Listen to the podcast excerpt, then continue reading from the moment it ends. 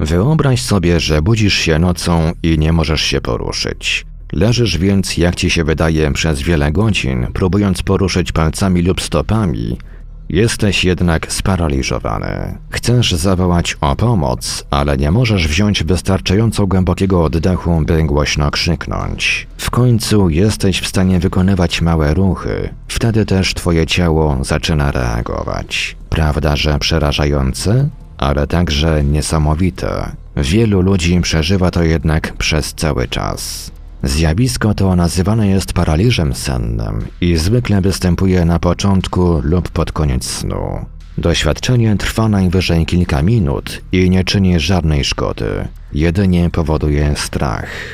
To przeraża, jeśli zdarza się po raz pierwszy, powiedziała dr Barbara Phillips, dyrektor amerykańskiego Samarytańskiego Centrum do Spraw Snu i przewodnicząca Komisji Narodowej Fundacji do Spraw Snu. Phillips powiedziała w wywiadzie e-mailowym, że paraliż taki zdarza się podczas wchodzenia w fazę snu REM.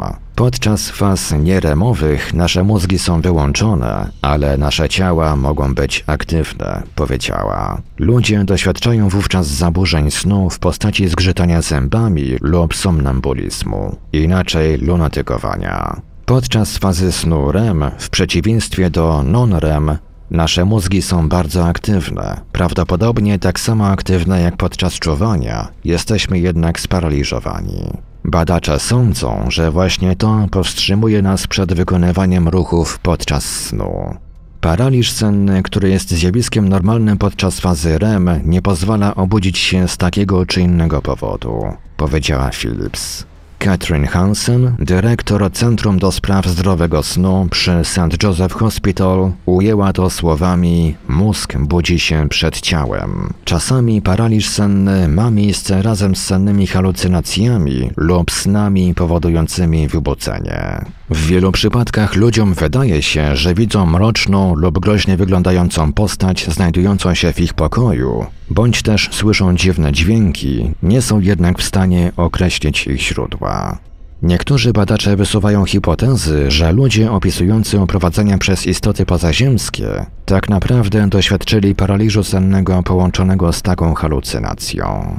Doświadczenie paraliżu sennego połączonego z halucynacją może być bardzo intensywne, jak twierdzi dr Kevin Nelson, neurolog z Uniwersytetu w Kentucky, który badał relacje między paraliżem sennym a doświadczeniem bliskiej śmierci.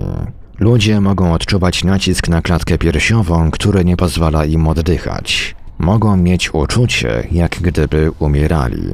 Nelson powiedział, że doświadczenie paraliżu sennego jest bardzo powszechne. Trudno jednak określić dokładnie, jak często ono występuje. Uderzające jest to, że ludzie nie mówią o tym, powiedział Nelson. W niektórych kulturach istnieją mity wyjaśniające doświadczenie bądź specyficzne słowa opisujące je. W tych miejscach według Nelsona pojawia się najwięcej relacji o paraliżu sennym. Japończycy mają na przykład opisujące taki paraliż określenie kanashibari, zaś w Nowej Fundlandii jest on wyjaśniany wizytą starej wiedźmy. Jak mówi Nelson, w niektórych kulturach paraliż senny jest bardzo dobrze znany.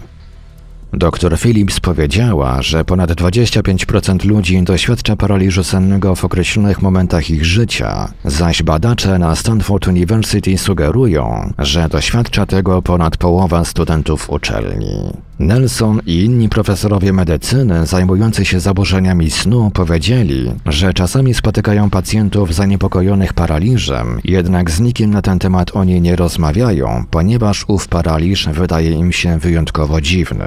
Jak mówi Nelson, oni nie są osamotnieni, nie są też wybrańcami, którzy to mają. Według ekspertów, ludzie mogący częściej doświadczać paraliżu sennego, jeśli są pozbawieni snu, mogą doświadczać dziwnych zmian bądź nieregularnych rozkładów snu.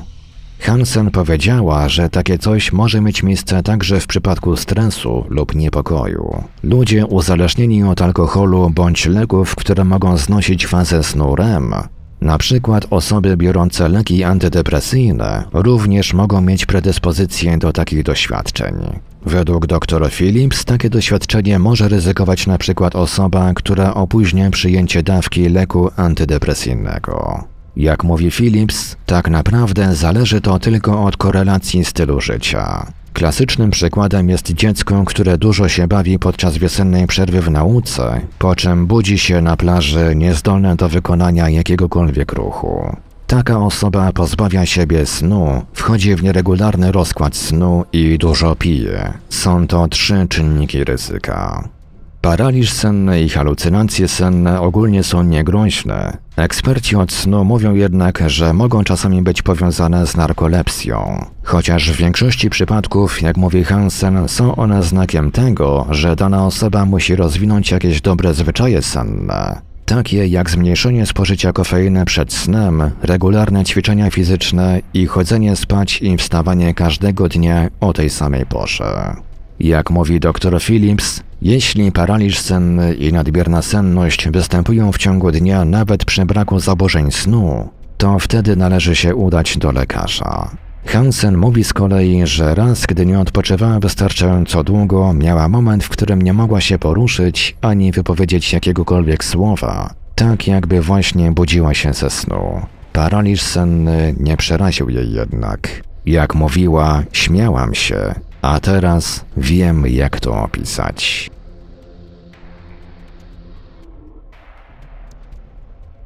Autor Carla Ward, Monterey County Herald, styczeń 2007 roku. Tłumaczył, opracował i czytał Ivelios.